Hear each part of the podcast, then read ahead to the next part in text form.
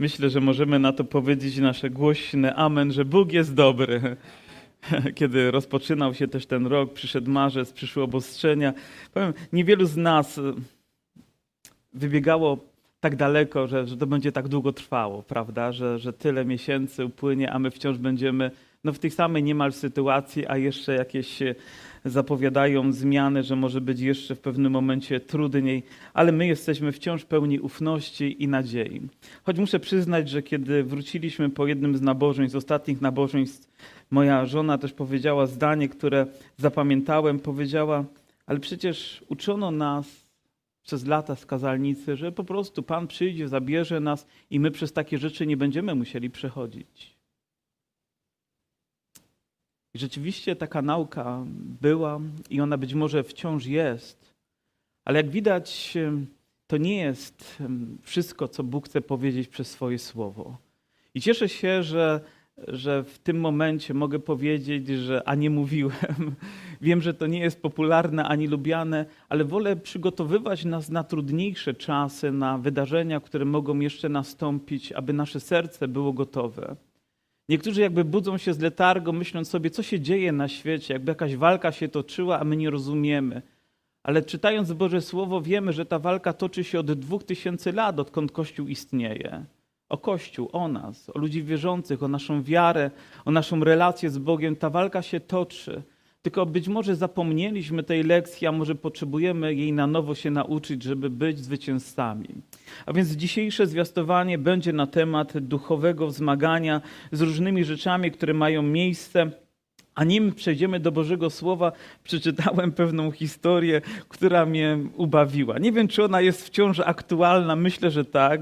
Może nieaktualna dlatego, że wszystkie bale, wszystkie te masowe występy podczas Sylwestra są zabronione, ale oto taka historia. Ewuniu, ta sukienka kosztowała majątek, dlaczego ją kupiłaś?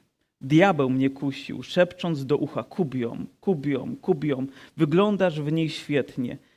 Nie mogłaś mu rozkazać, żeby odszedł. Rozkazałam. I co? Powiedział, że z daleka wyglądam jeszcze lepiej.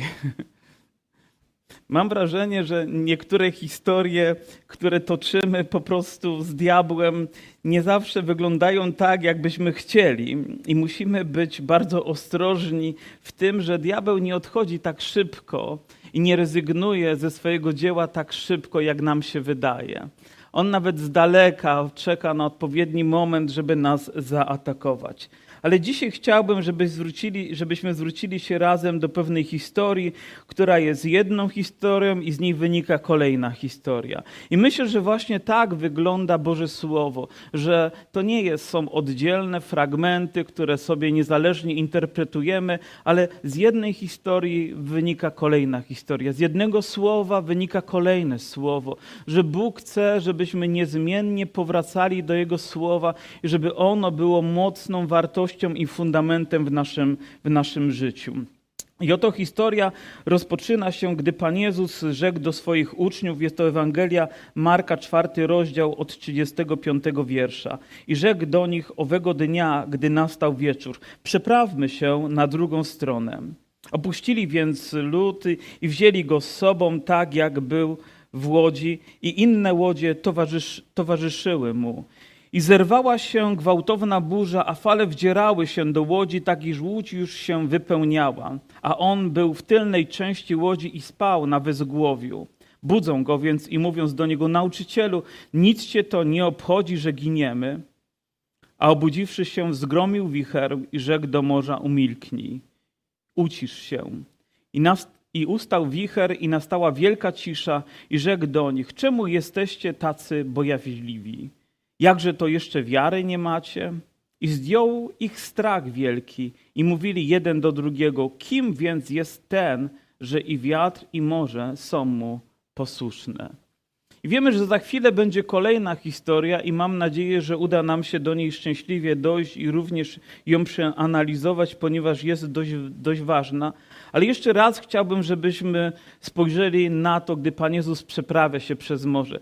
Słyszeliśmy dziesiątki, może nawet więcej niż dziesiątki kazań na ten temat, bo to jest bardzo taki obrazowy fragment Bożego Słowa, gdy Pan Jezus jest razem ze swoimi uczniami i gdzieś na środku, tak sobie wyobrażam, jeziora galilejskiego, rozpętała się, rozpętała się burza, czy Morza Tybereckiego, różnie, różnie jest nazywane, rozpętała się dramatyczna burza. Czytałem nieco w historii, czy w geografii dotyczącej też tego miejsca i tego regionu, jak to jest z warunkami pogodowymi. Ze względu na to, że to jezioro jest położone jako najniżej położony słodkowodny zbiornik na ziemi, a więc takiej depresji i otoczone też w pewnej części górami, sytuacja pogodowa potrafi potrafi się zmieniać tam bardzo szybko i bardzo dramatycznie. A więc wypływacie i nie ma zwiastunów tego, że za chwileczkę może rozpętać się burza, ale ona za chwilę jest. Ale gdy Jezus mówi jakieś słowa, to przecież wie, co za chwilę nastąpi.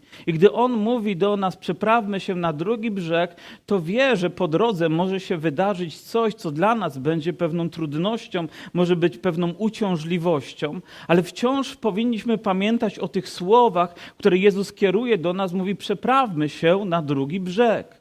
I myślę, że gdy my poznajemy Go, gdy nasza wiara się rozpoczyna, to Jezus również określa nasz cel. Mówi, a celem jest żywot wieczny. Mówi, i my mamy tam dojść. Po drodze może być różnie. Może świecić słońce, może być wygodnie i miło, ale mogą też przyjść warunki atmosferyczne, mogą przyjść sytuacje życiowe, które niekoniecznie nam się spodobają. Ale gdy patrzę po raz kolejny na tę historię, uświadamiam sobie, że ten dramat, który się rozgrywa na morzu, nie jest przypadkowy.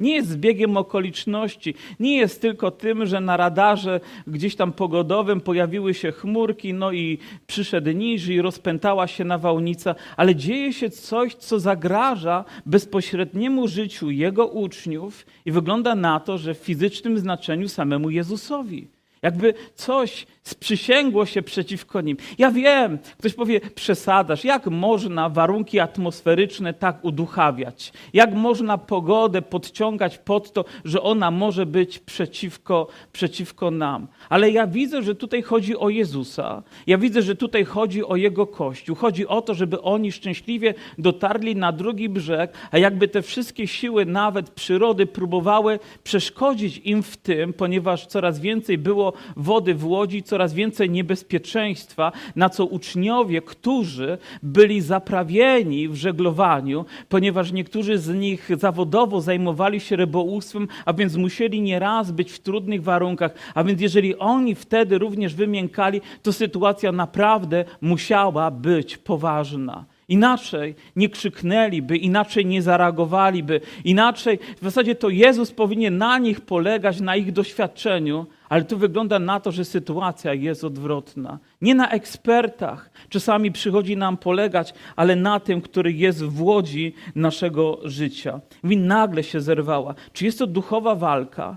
Czy jest na brzegu coś, co za chwilę się wydarzy, do czego diabeł jakby nie chce doprowadzić? Czy czeka tam Jezusa jakaś konfrontacja, a teraz są wszystkie siły przeciwne temu, aby tam to nie odbyło się? I myślę, że tak jest, bo gdy będziemy dalej czytać, wiemy, do czego dojdzie, wiemy, jak wielka moc Boża się zamanifestuje i wiemy, jak siły demoniczne będą poruszone, a więc widzimy walkę, która się toczy.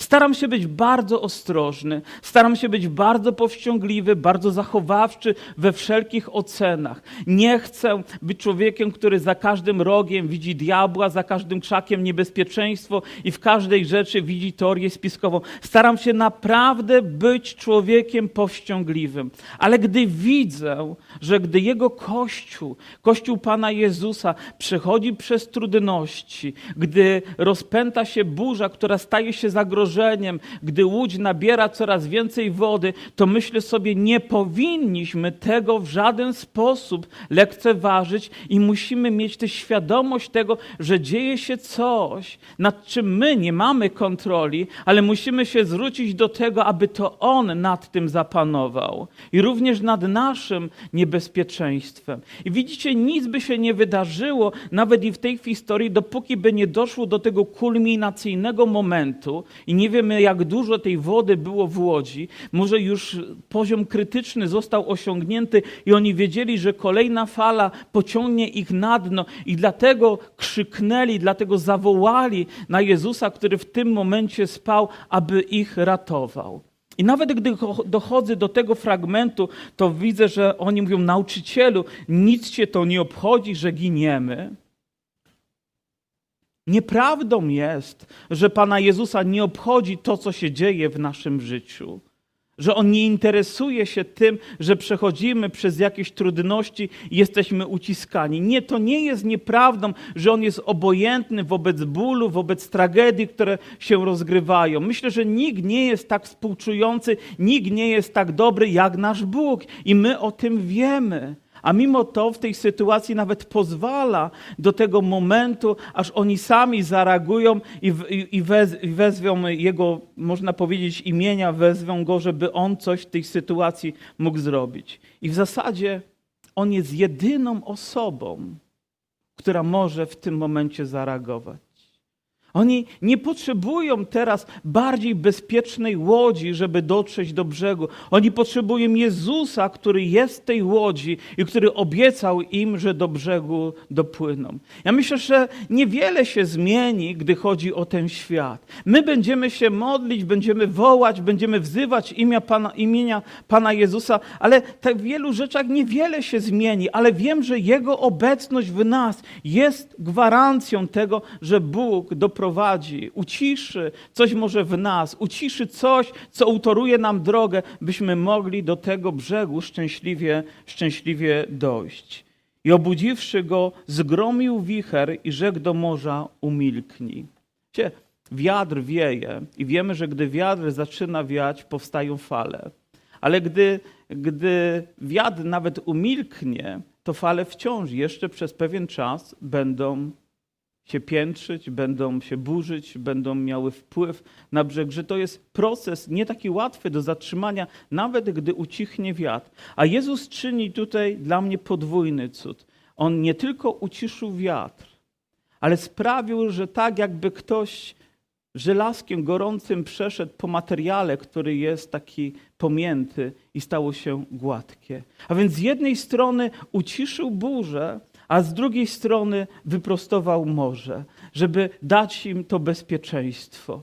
I myślę, że rzeczywiście nawałnice są, wiatry wieją, ale jest ktoś, kto potrafi uczynić jedno i drugie w życiu człowieka wierzącego. Zarówno sprawić, że ten wiatr ustanie, że napór zostanie powstrzymany, jak i również przyjdzie pokój, który będzie tak gładki jak cisza w naszym sercu. Będziemy mogli odczuwać go wręcz nieświadomi tego, jak wielkie dzieło się wykonało w nas, ale będzie to poza naszą nawet kontrolą, ale ten pokój będzie w nas, ponieważ to Jezus może to sprawić. I dzisiaj żyjemy w świecie, gdzie wiatry wieją, sytuacja polityczna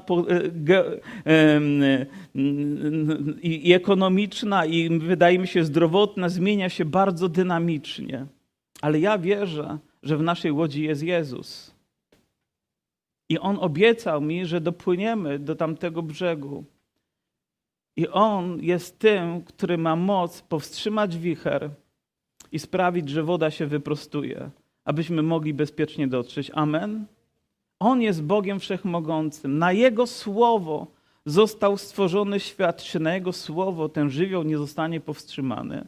Kiedyś słyszałem pewną interpretację tego fragmentu i powiem szczerze, gdy ją słyszałem w tamtym czasie, nieco się oburzyłem. Myślę sobie, ale powiem, szanowałem tego kaznodzieję, więc nie zrobiłem tego publicznie, ale chyba trochę przegina ten człowiek. Ale on zinterpretował w ten sposób, że sam diabeł jakby sprzysiągł się, żeby nie pozwolić, nie pozwolić, by Jezus dotarł do tego brzegu. Dzisiaj podchodzę nieco inaczej do tego. I oczywiście za każdą błyskawicą nie będę widział diabła, i pewnie za każdą chmurą też nie będę widział potęgi demonicznej. Ale zdaję sobie sprawę, że gdy pojawiają się takie okoliczności, to jako wierzący człowiek powinien mieć właściwy osąd sytuacji, która jest wokoło mnie. Naprawdę nie chcę się zapędzać w tą stronę, bo myślę, że oprócz tego, że mamy tą zewnętrzną sytuację, to każdy w nas, każdy w swoim sercu ma dostatecznie wiele różnych problemów i turbulencji życiowych, żeby powiedzieć, że potrzebuje, by to słowo zostało zastosowane w jego życiu i żeby zostało zastosowane w jego sercu, by Bóg uciszył te wichry emocji, strachu, lęku, które się pojawiają i żeby przyszedł ten czas pokoju i nadziei dla naszego serca, bo tak bardzo tego jesteśmy potrzebujący. I rzekł do nich, czemu jesteście tacy bojaźliwi? Jakże jeszcze wiary nie macie?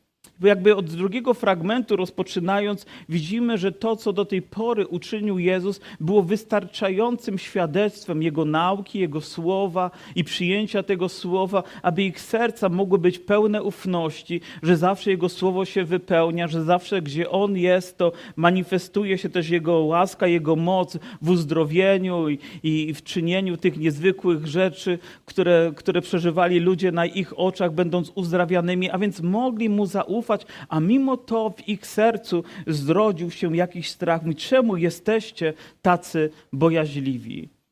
Kiedy ludzie składali sobie świąteczne życzenia, to bardzo wielu ludzi zauważyło, że podkreśliło ten fragment z Bożego Słowa, który obwieszczał nam tą radosną wieść narodzenia Pana Jezusa. Mówi, nie lękajcie się, nie lękajcie się, nie lękajcie się. I rozbrzmiewało to niemal jak stuby. Dlaczego? Bo żyjemy w czasie, kiedy wiele serc, nawet ludzi wierzących, po prostu się wystraszyło. I to nie jest tylko takie wystraszenie na chwilę, a później wracamy, bo to może się zdarzyć, ale stało się to lękiem, który zaczyna mieć jakieś echo w naszym życiu, zaczyna się odzywać w niezdrowy sposób, zaczyna spychać nas jak wiatr w jakiś margines życia i nie potrafimy z tego sami sami się wydobyć, a więc potrzebujemy kogoś, kto nas z tego wyratuje kto nas uwolni od tego lęku. To może być burza, to może być wiatr, to może być zburzone morze, które jedynie Jezus potrafi uciszyć. I On chce, abyśmy Mu zaufali. Dał nam dostatecznie wiele dowodów,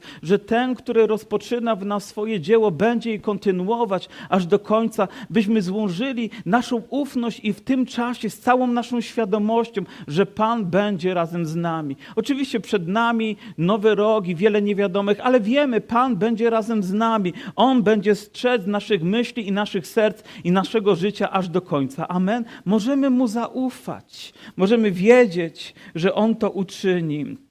A później, a później dalej mówi, i zdjął ich strach wielki. Jakby Pan Jezus mówi, czemu się lękacie, a oni jeszcze bardziej. Ale wiecie, w tym momencie ten strach już nie był spowodowany tym, że na zewnątrz szalał wiatr i woda się spiętrzyła, ale tym, co się wydarzyło na słowo Jezusa. I pomyślałem sobie w ten sposób, że bojaźń przed Bogiem uwolni mnie przed strachem żywiołów tego świata. Pomyślcie, jeżeli będziemy mieli właściwy stosunek do Boga, to nie będzie takich rzeczy w tym świecie, która wystraszy nas na śmierć. Nie będzie takich rzeczy. I o tym czytamy nie tylko tutaj, ale w innych fragmentach, gdy Bóg wzywa nas, abyśmy zachowali bojaźń. Jeżeli będziemy mieli bojaźń przed Bogiem, to będziemy starali się żyć świętym życiem pełnym respektu dla Boga, pełnym chwały dla Jego imienia, prawda? Nie sięgniemy tak łatwo po grzech, bo mamy tą świadomość, że z nami jest Bóg, On jest obecny w naszym życiu.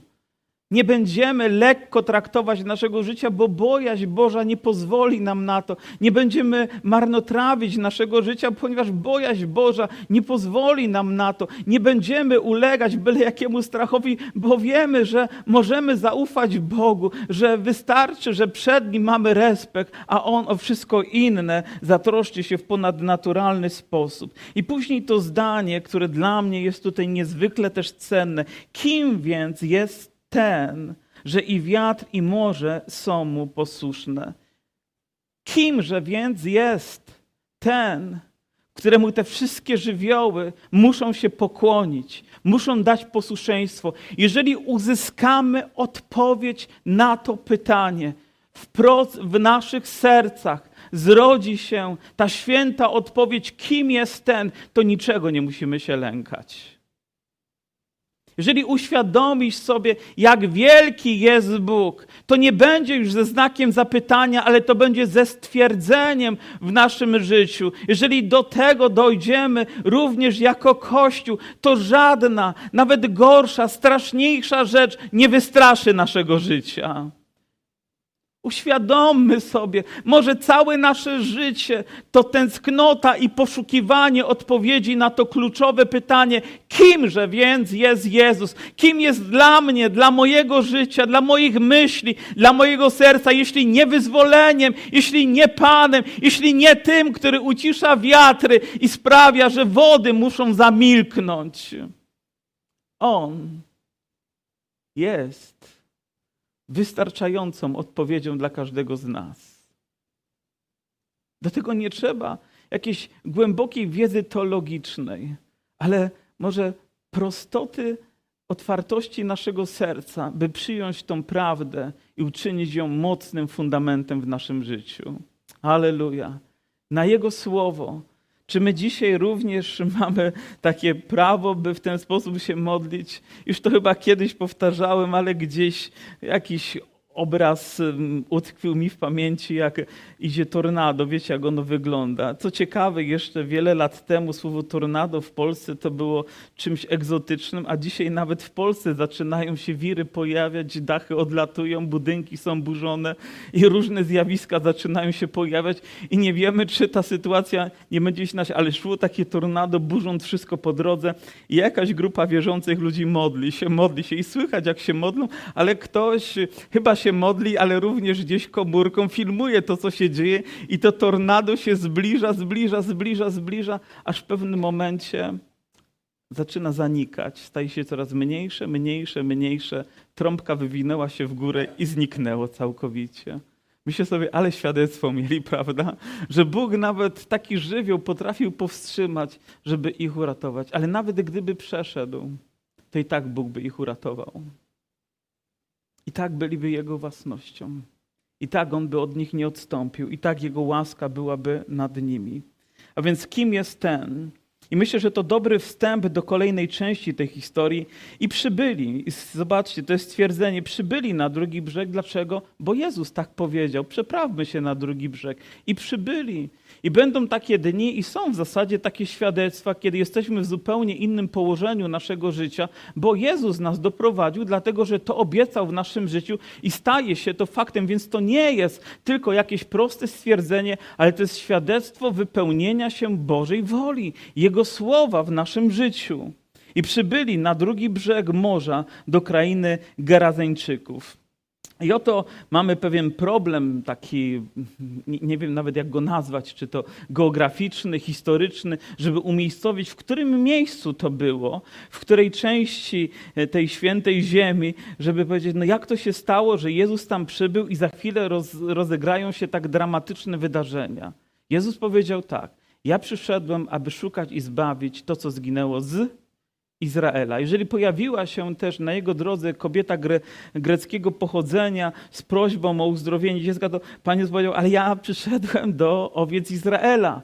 A, mówię, a, a ona bardzo prosiła, ona wykazała się wielką pokorą i wiarą i Pan Jezus uszanował to i została, można powiedzieć tak, w wyjątkowy sposób też potraktowana, ale głównym celem Jezusa było przyjść, aby szukać i zbawić to, co zginęło z Izraela. Więc patrząc na Jego misję, poszedł tam, do tej ziemi. Niektórzy uważają, że to była pogańska ziemia, ale chcę zwrócić uwagę, że była to kraina na styku tego, co pogańskie i tego, co należało do Izraela do plemienia Manasesa, tego jednego z największych plemion czy największe terytorium, oni po tej drugiej stronie e, zabrali, bo część była po tej stronie Jordanu plemienia, a druga po tamtej stronie, a więc było to na styku. Więc nie wiemy tak naprawdę dokładnie, e, historycznie, czy, czy, czy nie było tam tak, że te ludy się wymieszały, że nawet e, ludzie, można powiedzieć, naszej nomenklatury wierzący, zaczęli żyć z tamtymi ludźmi według ich stylu życia i doprowadziło to do takich strasznych rzeczy,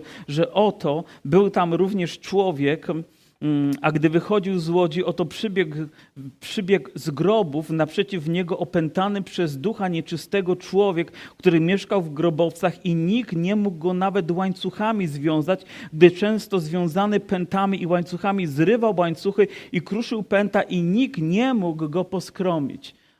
Próbujemy sobie to wyobrazić, jak wielka siła, jak wielka moc musiała w nim działać, że żaden człowiek nie był w stanie nad tym zapanować. Próbowano, próbowano go krępować, próbowano nawet łańcuchami wiązać, ale on był tak silny, że nawet to potrafił zrywać.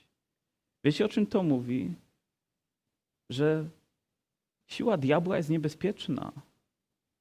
I mówi też o tym, że żaden człowiek nie jest w stanie nad nią zapanować. Ani on sam, ani ludzie, którzy próbowali to czynić z zewnątrz. Tak samo jak żaden z ludzi nie był w stanie zapanować nad wichrem ani nad tą wodą.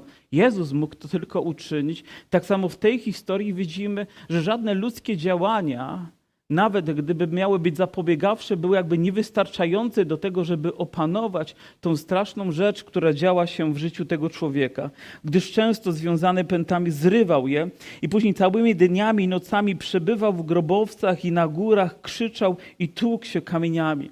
I pewnie zastanawiające jest, dlaczego w grobowcach. Dlaczego akurat wybrał sobie to miejsce, które było pełne śmierci, pełne jakichś dramatycznych rzeczy, które się tam rozegrały, czy to jest jakieś szczególne miejsce, które sobie um, upodobają ludzie, którzy mają problemy z, z, z demonami. Tego nie, po, nie potrzebujemy stwierdzać tak jednoznacznie, bo myślę, że nie jest to podstawa do tego, ten fragment byśmy w ten sposób myśleli, ale jak widać ciągnie tych ludzi w taką stronę, a nawet gdzieś stają na górach i zaczynają krzyczeć i tłuc się kamieniami, przeszkadzając innym, a inni po prostu się do tego przyzwyczajają przyzwyczaili, jak powiedzieli, tak musi być.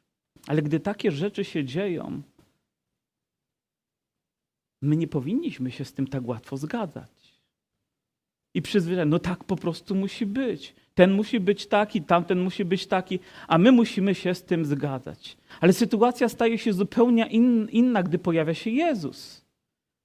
Sytuacja staje się inna również w siedmiu zborach, a zwłaszcza tam, gdzie działo się źle, gdy pojawia się Jezus. Jezus mówi: Macie dwie możliwości: albo wy coś zrobicie z tym świecznikiem, albo ja z nim coś zrobię. On nie pozostawia rzeczy takimi samymi. Ta konfrontacja sprawia, że ten człowiek przychodzi i nawet pada tutaj do, do, do, jego, do jego stóp. I to też mnie dziwi, że, że właśnie taka jest reakcja demonów, że nie uciekają dalej, ale przychodzą tutaj, żeby pokłonić się Jezusowi, znaleźć się w tym miejscu. Jakby nie mają wyjścia, muszą to zrobić. Wiecie, zauważam, że Kościół jest miejscem, gdzie wielu ludzi, którzy nie dają sobie rady, przychodzą, żeby uzyskać pomoc. Naprawdę z ciężkimi przypadkami, z którymi świat nie potrafi sobie poradzić. Niedawno nawet ktoś przysłał tutaj człowieka, który był w potrzebie, naprawdę dramatycznej potrzebie, bo szukał odpowiedzi wszędzie. I gdybyście pojechali na odwyki gdzieś, gdzie ludzie są zagubieni w swoich, swoich uzależnieniach i są już dziesiąty, dwudziesty, trzydziesty raz, przechodzą przez to i nic nie działa, aż nagle przyjeżdża grupa misyjna z prostą Ewangelią, wychodzi brat, zaśpiewa pieśń, dzisiaj jest dzień, inny brat wyjdzie i powie Jana 3,16 z pamięci, ktoś inny powie, wiecie, a ten fragment stał się prawdą w moim życiu i złoży krótkie świadectwo, czy ktoś chciałby przyjąć Jezusa? Tak. I nagle wszystko się zmienia coś nad czym system nie mógł zapanować, lekarze nie byli w stanie wyleczyć. Powiem, jedno słowo wiary, jedna modlitwa na kolanach, jedna łza, która pocieknie z oka z powodu wzruszenia, powoduje tak ogromną zmianę. Tak, tak jest, gdy pojawia się Jezus. I myślę, że tą samą gwarancją w tej walce, którą staczamy, jest Jego obecność w nas. Amen. Potrzebujemy, potrzebujemy widzieć manifestację Jego mocy, nie zgadzać się z tym, co dzieje się na zewnątrz, gdy tuczą się kamieniami, gdy krzyczą, gdy grzech się mnoży. Nie, to nie powinno być normą. To nie powinno być czymś, do czego my się przyzwyczajmy i tak już po prostu musi być. Kościół powinien wciąż się modlić, wciąż wołać, wciąż być gorący, wciąż, gorący, wciąż być płomienny, wiedząc, jakiego wszechmogącego ma Pana. Tą lekcję powinniśmy sobie wziąć i wcześniejszą do serca, że On może uczynić wszystko. Jego słowo ma taką moc nad naszym życiem, nad życiem tych, którzy tego potrzebują, a zwłaszcza w tak dramatycznych okolicznościach. Ujrzawszy Jezusa z daleka, przybiegł i złożył mu pokłon i wołając wielkim głosem, że co ja mam z Tobą, Jezusie, Synu Boga Najwyższego? Zaklinam Cię na Boga, żebyś, żebyś mnie nie dręczył. Wiecie, co za wyrzut? Co ja mam z Tobą? Wiecie, jakie inne pytanie sobie zadałem? A co człowiek ma bez Jezusa?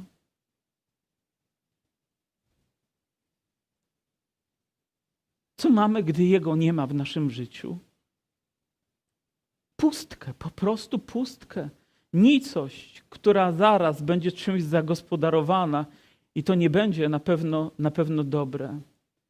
A więc jeżeli ktoś próbuje nawet wytykać coś Kościołowi i będzie Kościół atakowany, i będzie szykanowany, i będzie oskarżany, i Ewangelia będzie próbowała być podważana, jakby diabeł zrobił wszystko, żeby zakwestionować, ale co mamy? Ale jeżeli Kościół będzie żył, to również będzie prześladowany. Diabeł zrobi wszystko, żeby tylko utrudnić nam możliwość zwiastowania Ewangelii, ale czy z tego powodu mamy się wycofać? Czy mamy zaprzestać naszych modlić? Czy mamy zaprzestać wołać do Boga, czy walczyć dalej? Odpowiedzcie sami.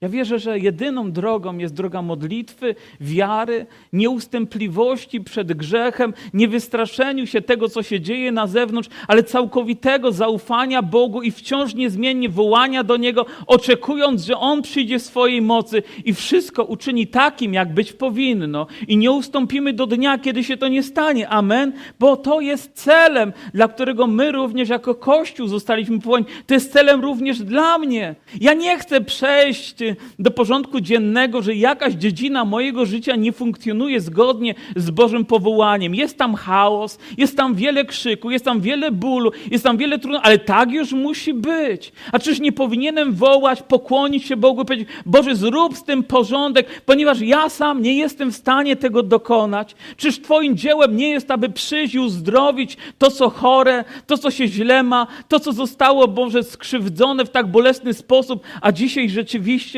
odzywa się w tak dramatyczny też sposób, że, że przestajemy nad tym kontrolować? Nie. Będziemy walczyć dalej. Amen? To jest lekcja, którą musimy przyjąć. A zwłaszcza dzisiaj, w tych czasach i w tych okolicznościach powinna być bliższa nam. I wołając wielkim głosem, że co ja mam z Tobą? Albowiem powiedział mu: Wyjdź, duchu nieczysty, z tego człowieka. Wyjdź.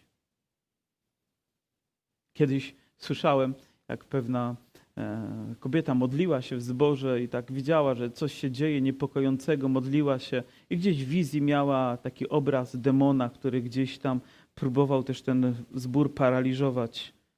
I modlili się i gdy te siły nieczyste ustąpiły, to Kościół zaczął rozkwitać, zaczął tętnić życiem, zaczął wielbić Boga jak nigdy wcześniej. Ja nie wiem, czy aż tak powinniśmy wszystko próbować interpretować, ale wiem, że tam, gdzie pojawia się siła nieczysta, tam pojawia się opozycja wobec Ewangelii, wobec Jezusa, wobec naszego życia, wobec naszej wiary, wobec naszego duchowego wzrostu, wobec pokoju i radości, które powinniśmy przeżywać z łaski naszego Pana. Ale Jezus mówi: wyjdź, wyjdź. I zapytał, jak masz na imię? A on rzekł, Legion, gdyż jest nas wielu. To ciekawe, że jeden przemawia, ale jest Legion.